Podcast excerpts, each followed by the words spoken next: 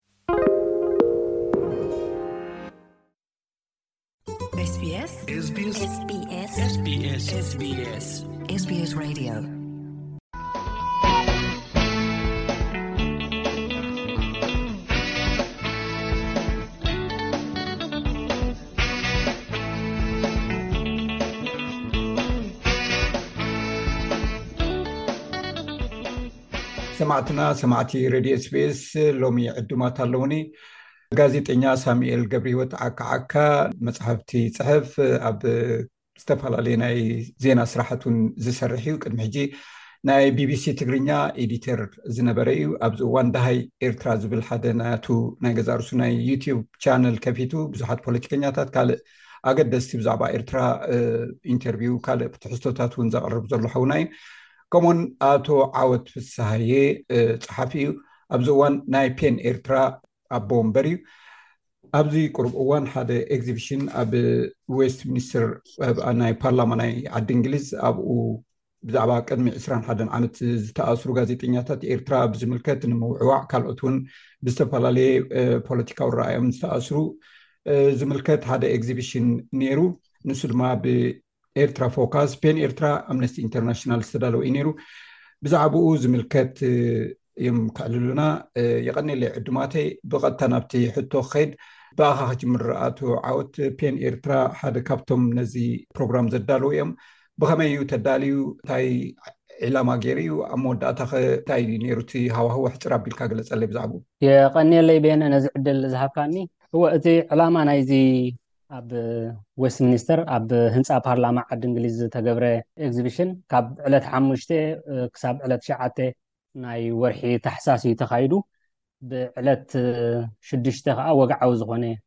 ናይ መኽፈቲ ኣገባብ ተገይሩ ነይሩ ዕላማ ናይቲ ኤግዚቢሽን ከምቲ ኣብኡ ዝተጠቕሰን ከም መደባትና መሰረትን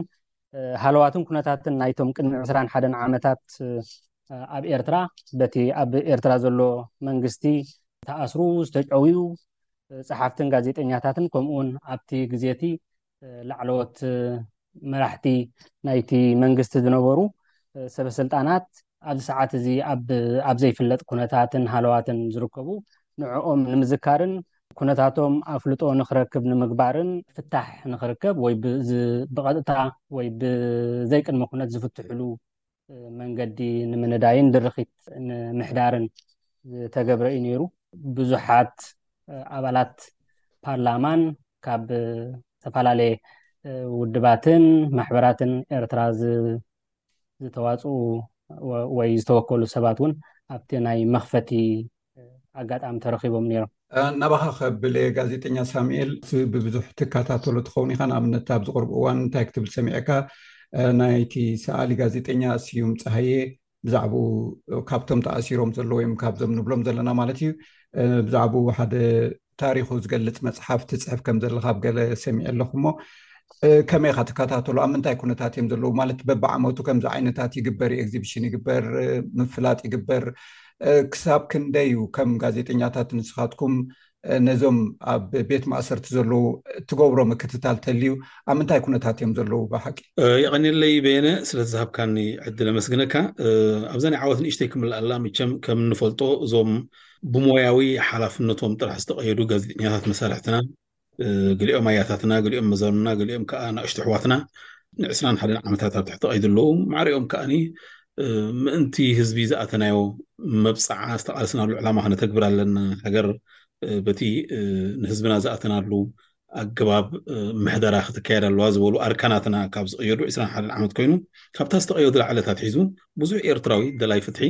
እቲ ምእንቲ ሓቅን ቅንዕናን ናይዞም ሰባት እዚኣቶም ደው ዝብል ምእንቲ ፍትሒ ጠጠው ዝብል ብምልኡ በባዕቕሙ ብዝተፈላለየ ጽሑፋት ሰላማዊ ሰልፊ ብምውዳብ ከምዚ ሕጂ ዝተገብረ ኤግዚቢሽን ብምድላው ክዝክሮም ጸኒሑ እዩ እዚ ከዓ ናቱ መቐፀልታ ኮይኑ ዓሚ እዚ ኮቪድ ዝተገብረሉ እዋን መበል ዕስራ ዓመቶም ምስ ፎካስ ኤርትራ ፔን ኤርትራ ከምኡ እውን ምስ ኣምነስቲ ኢንተርናሽናል ብምውሃድ ነዚ ሕጂ ዝግበር ዘሎ ኤግዚቢሽን ዝወደቡን ዝተሓበሩን ብዙሓት ኤርትራውያን ተቓለስቲ ኣለዉ ነቲ ፅሑፋት ኣብ ምድላው ኣብ ምስንዳእ ናብ እንግሊሽ ኣብ ምትርጓም ኣብ መወዳእታ ነቲ ኣብ ኤግዚቢሽን ዝቐረበ ቅብኣ ብቅብኣ ደረጃ ተፃሒፉ ተሳኢሉ ንክመፅእ ብምትሕባር ዝሰርሑ ብዙሓት እዮም እሞ በዚ ኣጋጣሚ ንኩሎም ከመስግኖም ደሊ ነዚ ፕሮጀክት ዕውት ኣብ ምግባር ዝነጠፈ ከዓኒ ብፍላይ ፎካስ ኤርትራ ምስጋና ግቦ እዩ ከምቲ ዝፈልጦ እዞም መሳርሕትና ካብ ዝእሰሩ ሒዞም ክሳብ ሕጂ ተሰዊሮም ስለ ዘለዉ ብኣታቶም ዘይሓስብ ሰብ የለን ብፍላይ ከዓ እቲ ብቀረባ ዝፈልጦም ማለት እዩ ኣነ እውን ካብ ሓደ ናብ ሓደ ኣበላሊፅካ ክትሪኦም ኣይትኽእልን ኢኻ ግን ካብኡ ናብኡ ብቀረባ ትፈልጦ ሰብ መሳርሕተይን ዓርከይን ዝነበረ ኣያይ ተጋዳላይ ሰኣላይ ጋዜጠኛ ጸሓፍን ስዩም ጸሃየ ንዕኡ ንምዝካር ንተወፋይነቱ፣ ጅግንነቱ፣ ኣበርክትኡ ብቃልሲ ድሕሪ ናጽነት ንዝገብሮ ዝነበረ ሃገር ኣብ ምህናጽን ሕብረተሰብ ኣብ ምንቃሕን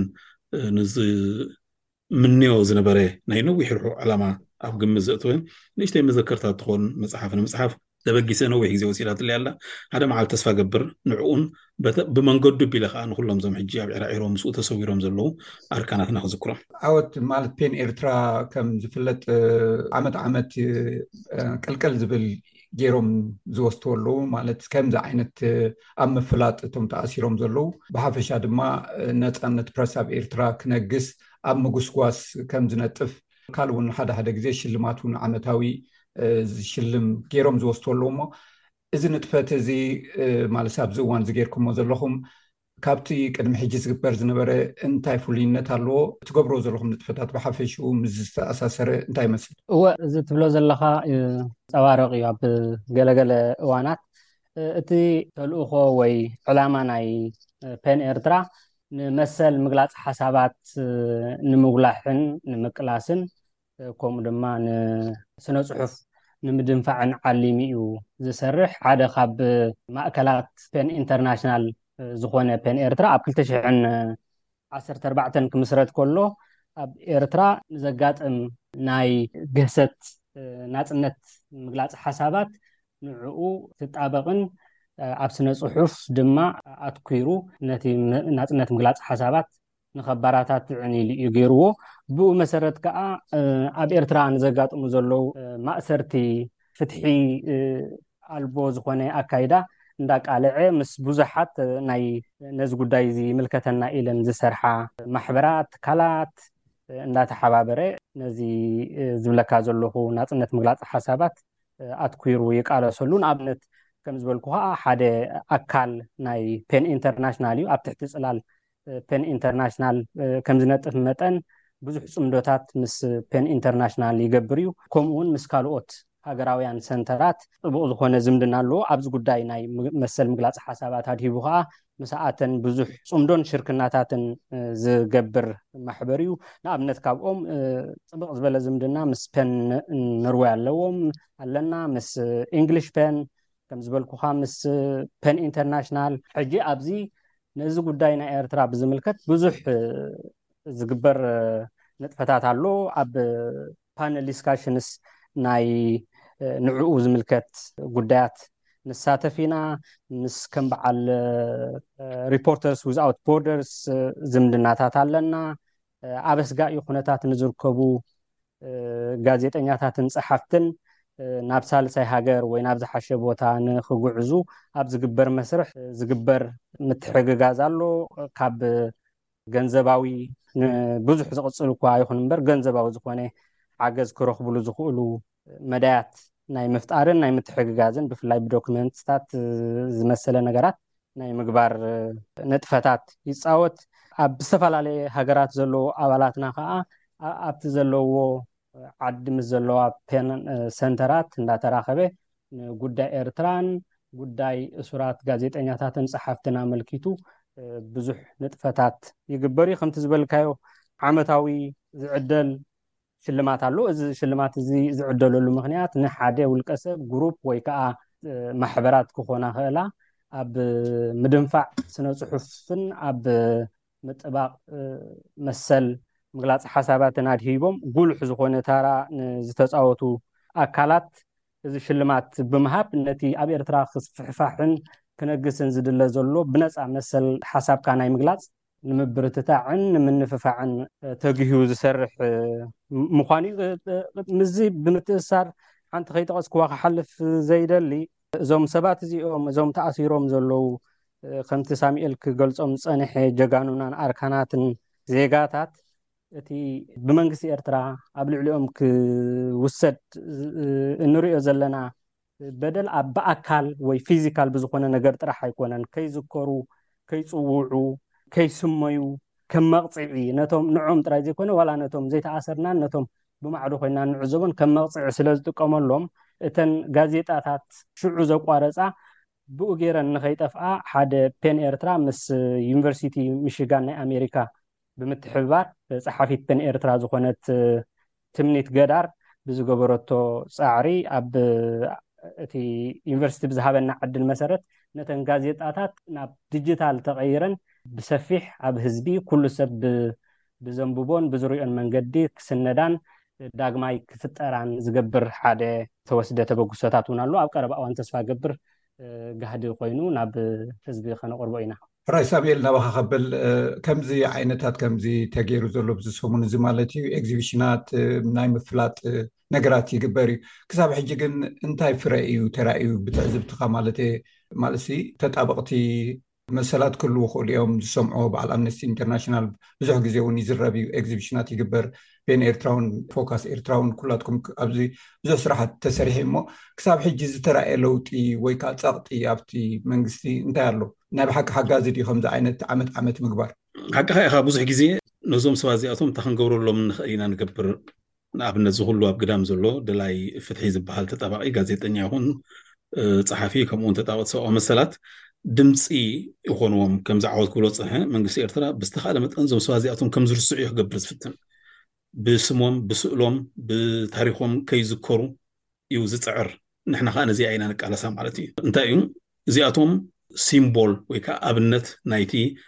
ፍትሒ ናይ ሃገርና እዮም ተቃለስቲ እዮም ሰላሳ ዓመት ተቃሊሶም ወይ ኣብቲ ሰላሳ ዓመት ዝተካየደ ቃልሲ እጃሞም ኣበርኪቶም ናፅነት ዘምፅኡ ኣርካናት ኣለዉ ድሕሪ ናፅነት ተማሂሮም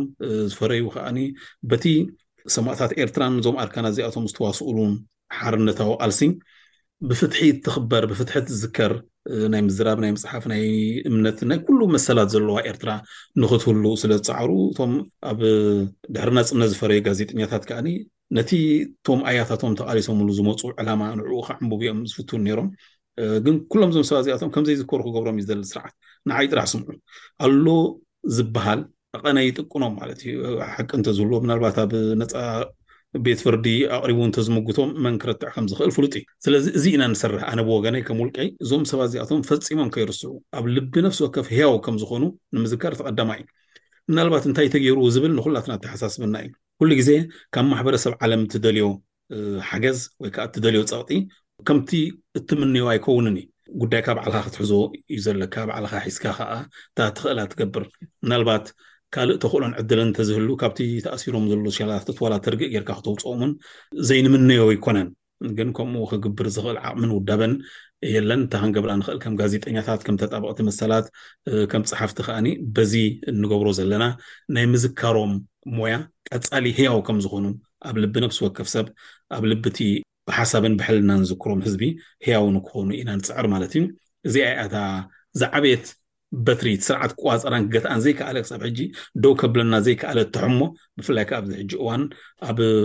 ዌስት ሚኒስተር ፓርላማ ናይ ዓዲ እንግሊዝ ኤግዚቢሽን ታሪኾም ስሞም ምስሎም ዝገበርዎ ኣበርክቶ ዋላ ብሕጽር ዝበለ እውን እንተኾነ ንፓብሊክ ናይ ዓዲ እንግሊዝ ነቶም ፖለቲከኛታት ናይ ዓዲ እንግሊዝ ክቐርብ ምብቅዑ ገና እውን ክቕፅል እዩ ናብ ካልእ ከባቢ ማለት ዝንድቅሰሉ ጉዳይ ኣይኮነን ዓብዪ ዓወት እዩ ኢለ እየ ዝሪኦ ዓወት ናባኻ ክምለስ ማለት ብምንታይ ኢና ንዕቁኖ እዚ ዓወት እዚ ማለት ፖለቲከኛታት ዓበይቲ ሰባት ማለት ፀለውቲ ዝኾኑ ሰባት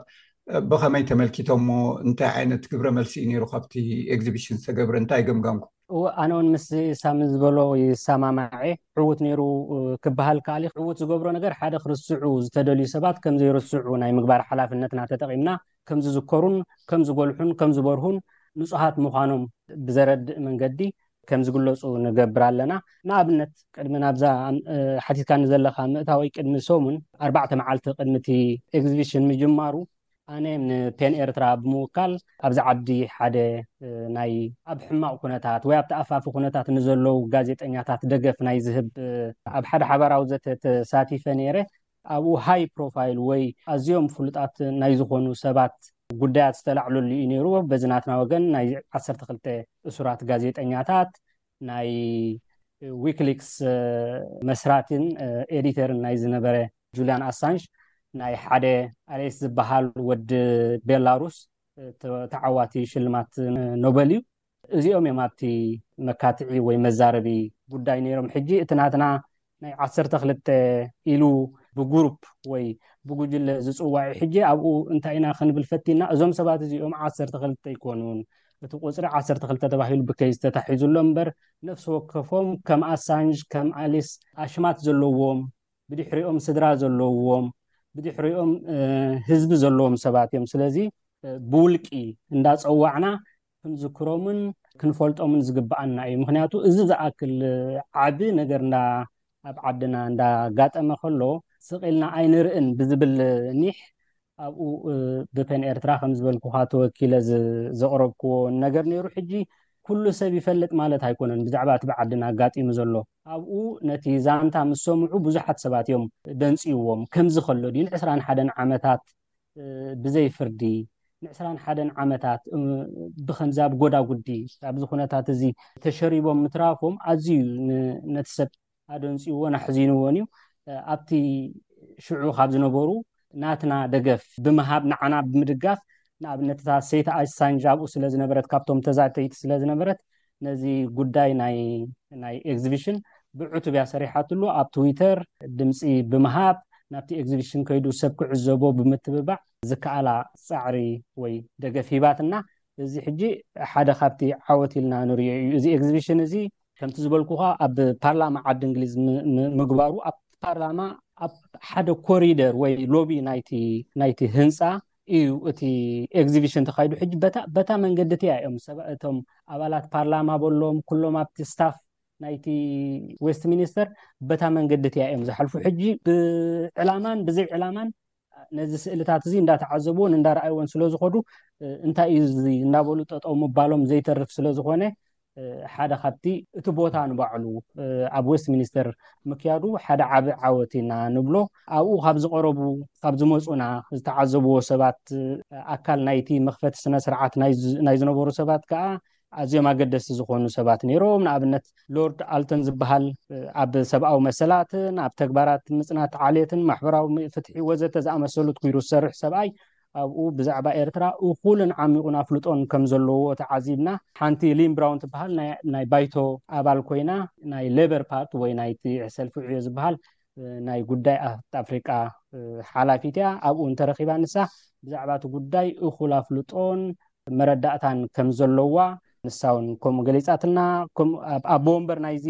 ነዚ ኤግዚብሽን እዚ ንኽካየድ ዝሓገዘና፣ ትካል ወይ እዚ APPG ዝብሃል ፓትሪክ ግረይዲ ዝብሃል ነቲ ኩነታት ናይ ኤርትራ ናብቲ ፓርላማ ንምቕራብ ኣብ ዝግበር ጻዕሪ ዝከኣሎም ዝገብሩ ምዃኖምን ክገብሩ ምዃኖምን ቃል ኣትዮምልና። ካብ ዝተፈላለዩ ተኣሽሙ ዝመጹ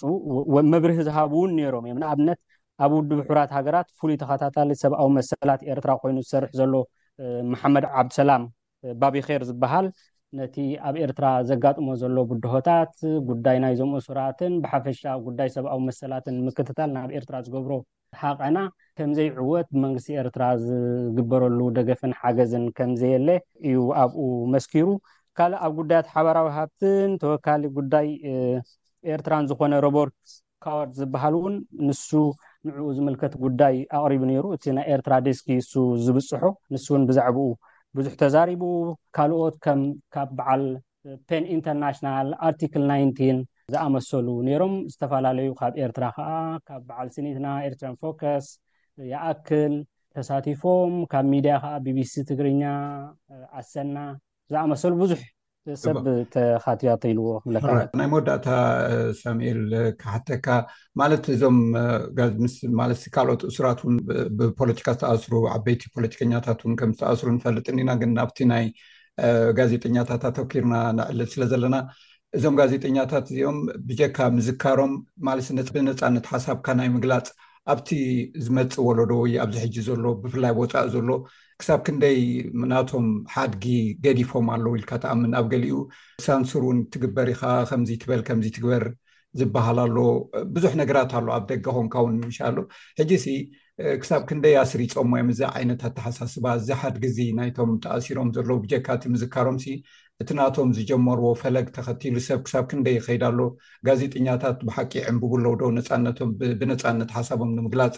ኣብ ብፍላይ ወፃኢ ማለት ከመይካ ትግምግሞ ብሓፈሻ ኩነታት ጋዜጠኛታት ኣብ ወፃኢ ዘሎ? መቸም ዕድል ኣይገበርናን ሓደ ግዜ ተፈቲኑ ነይሩ ኣብዚ ስደት ንርከብ ጋዜጠኛታት ማሕበር ክንምስርት ፈተነ ተካይዱ ነይሩ ግን ኣይሰለጠን ኣብዚ ሕጂ እዋን ግን እዚ ሶሻል ሚድያ ብዝፈጠሮ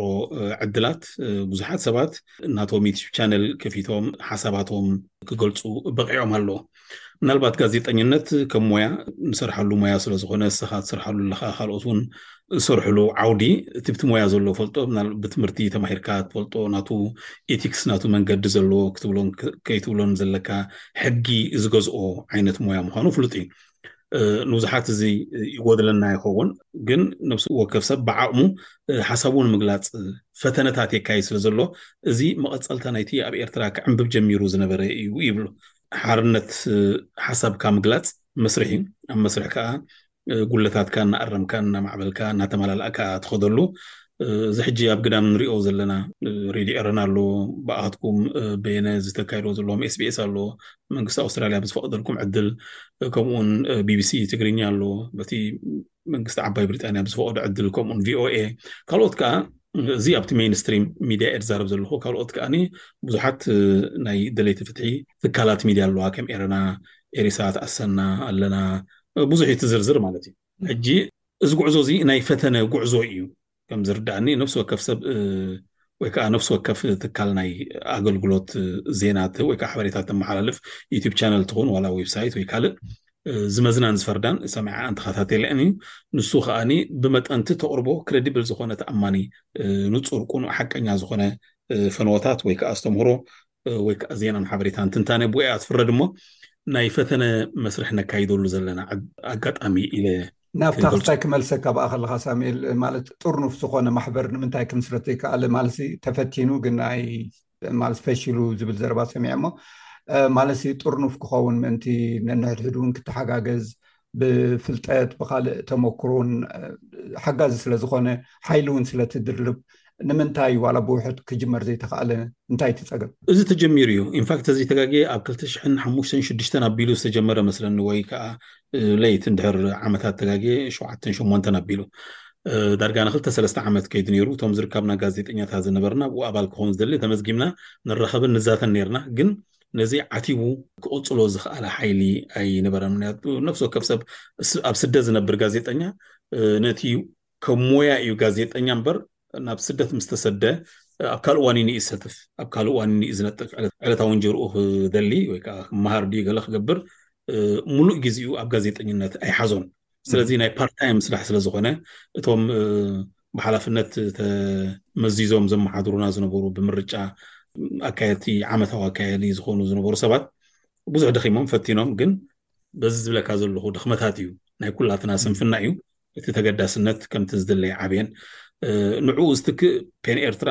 ፅቡቅ ስራሕ ክሰርሑ ሪኦም ኣለኹ ንነዊሕ ዓመታት ተኸታቲሎም ኸተወሎ እዚ ምናልባት ንኩሎም ጋዜጠኛታት እኳ ዝሓቁፍ ተዘይኮነ ከምኡ ዝኣመሰለ ተስፋታት ግን ክህብ ይኽእል እዩ እሞ፣ በዚ መንገድዚ እውን እቲ ጋዜጠኝነት ዝጠራነፈሉ ዕድላት ይመጽእ ይኸውን ኢለ እግምት። ሕራይ ጽቡቕ የቐኔለይ። ዓወት ናይ መወዳእታ ሕቶ ክሓተካ፣ ፔን ኤርትራ ከምቲ ክብሎ ዝጸንሐ ሳሙኤል ንገለ ጋዜጠኛታት፣ ጸሓፍትን ማለት ኣብ ምጥርናፍ ጊዲኡ ይገብር ኣሎ፣ ይዕበ ይንኣስ ማለት እዩ። ኣብ መፃኢ ከም ሓድጊ ናይዞም ተኣሲሮም ዘለዉ ንብሎም ዘለና ጋዜጠኛታት ኣብቲ መንእሰይ ወለዶ ብፍላይ ኣብዚ ወፃኢ ዘሎ ጋዜጠኛ ይኹን ፀሓፊ እንታይ ዓይነት መደብ እዩ ዘለኩም ማለት ኣብ ገሊኡ ብከመይ ከም ዝእተው ናይ ፈልጦ ንከውንቲ ሰብ ኣብ ገሊኡን ዝሰምዖ ናይ ውሕዳት ዝቀራረቡ ሰባት ማሕበር እዩ እዚ ዝበሃል ነገራት እውን ኣሎሞ ክሳብ ክንደይ ክፉት እዩ እዚ ንብዙሓት ኣብ ምምጥርናፍ ኣብ ምምዕባል ዝገብሮ ንጥፈታት ከመይ ከም ዝመስል ኣሕጽር ኣቢልካ ግለጸለይ እሞ ክንውድእ። ኣብቲ ከመይ እዩ ክኸውን ንዝብል ሕቶ እዞም ኣብ ደገ እንርከብ ጸሓፍቲ ጋዜጠኛታት ሕጂ ብፍላይ ኣብቲ መንእሰይ ወለዶ እቲ ሓድጊ ንክቕጽል እንታይ ዝግበር ነገር ኣሎ ንዝበልካዮ ሓደ እቲ ፍርሒ ወይ እቲ ድርዒ ናይ ፍርሒ ተቐንጢጡ እዩ። ሰባት ድላዮም ክጽሕፉ ድላዮም ክዛረቡ ዝኽእልሉ መንገዲ እንዳተፈጥረ ይኸይድ ኣሎ እቲ መንግስቲ ዝምካሓሉ ዝነበረ ኢድ መንግስቲ ኤርትራ ነዊሕ እዩ ዝብል ሕጂ ነዊሕ ከምዘይኮነ ሓፂር ምዃኑ ዘረጋግፅ ብዙሕ ስጉምትታት ይኽየዱ ኣለዉ ነቲ ስርዓት ዝቃወሙ ነቲ ስርዓት ዘቃልዑ ፀሓፍትን ጋዜጠኛታትን ድሮ ተፈጢሮም ኣለዉ ትዕዘብዎም ትህሉ ትኾኑ ኢኹም ን ኤርትራ ኣብዚ ዝኸዶ ዓመታት ከምዝበልካዮ ዝከኣሉ ዩ ክገብር ፀኒሑ ሙሉእ ግዜ ንዕኡ ሂቡ ዝሰርሕ ኣባል እውን ኣይኮነን ዘሎ ምክንያቱ እቲ ከምቲ ኩላትና ንፈልጦ ብዙሕ ዝውጥጠና ጉዳያት ስለ ዘሎ ብዝተካእለ መጠን ግን ካብ ዘለና ግዜ እንዳመቐልና ነዚ ማሕበር እዚ ዝሓሸን ዝበለፀን ንክንገብሮ ንፅዕር ኣለና እቶም ቅድሜና ኣብቲ መሪሕነት ዝነበሩ ሰባት ክሳብ ሕጂ ብዝወሰድዎ ስጉምቲ ዓብ ዓብ ዝኾነ ዝላ ከይዶም ኣለዉ ኢለ እየ ዝኣምን እዞም ሕጂ ተረኪብናዮም ዘለና ከኣ ነቲ ክኸይድ ዝጸንሐ ድሮ ኣጣጢሖምልና ዝጸንሑ መንገዲ ኮይና ንኸዶ ስለ ዘለና ካብቲ ቅድሚ ሕጂ ክረኣ ዝጸንሐ ኣካይዳ ብዝፈጠነን ጉድለታት ተነይሩ እውን እንዳመሓየሽናን እንዳዓረናን ስለ ንኸይድ ዝሓሸ ተስፋ ከም ዘለዎ እየ ቃል ክኣትወልካ ዝደሊ ናይ ውሕዳት መሲሉ ዝረኣይ ተኮይኑ ገሊኡ ብጌጋ ርድኢት እዩ ክብል ይኽእል እየ። ንኣብነት እቲ ናይ ኣባልነት መሕተቲ ፎርም ኣብቲ ፔጅ ኣሎ፣ ኣብ ናይ ፔን ኤርትራ ወብሳይት ኣሎ። ኣብኡ ኣብቲ መሕተቲ ንኣባልነት ሓቲቱ ዘይሰለጦ እንተሎ ኮይኑ ምናልባት ኣነ ክሳብ ዝፈልጦ ካብ ወርሒ ዓሰርተ ንደሓር ዝመፀ እንተሎ ዝተቐበልናዮም ኦሬዲ ይፈልጥ እየ ቅድሚኡ ብዝነበረ ከዓ ብቴክኒካዊ ምክንያት ኣብ ገለ እዋን ተኣጓጒሉ ዝነበረ እሞ ዳሕራይ ተዓርዩ እቲ መስርሕ ናብ ንቡር ተመሊሱ ከም ዘሎ እየ ኣነ ክሳብ ሕጂ ዝፈልጥ ስለዚ እቲ ኣባልነት ንኩሉ ፍቁድ እዩ ጥራሕ ኣብኡ ቀሪቡ ንዘሎ መሕተቲ ቅጥዒ ዘማልእ ብኣገባብ ዝመለእን እቲ ዘድለ ሓበሬታ ዘስፈረን ይኹን እምበር ኣባል ፔን ኤርትራ ንምዃን እቲ ክፉት እዩ ዘሎ እቲ ዕድል። የቐኔለይ ጋዜጠኛ ሳሙኤል ገብሪሂወት ዓካዓካ ከምኡውን ኣቦ ወንበር ፔን ኤርትራ ኣቶ ዓወት ፍሳሄ ኣዝ የመስግነኩም ኣብ ካልእ እዋን ብካልእ ትሕዝቶ ክንራኽብ ኢና ርክቤነ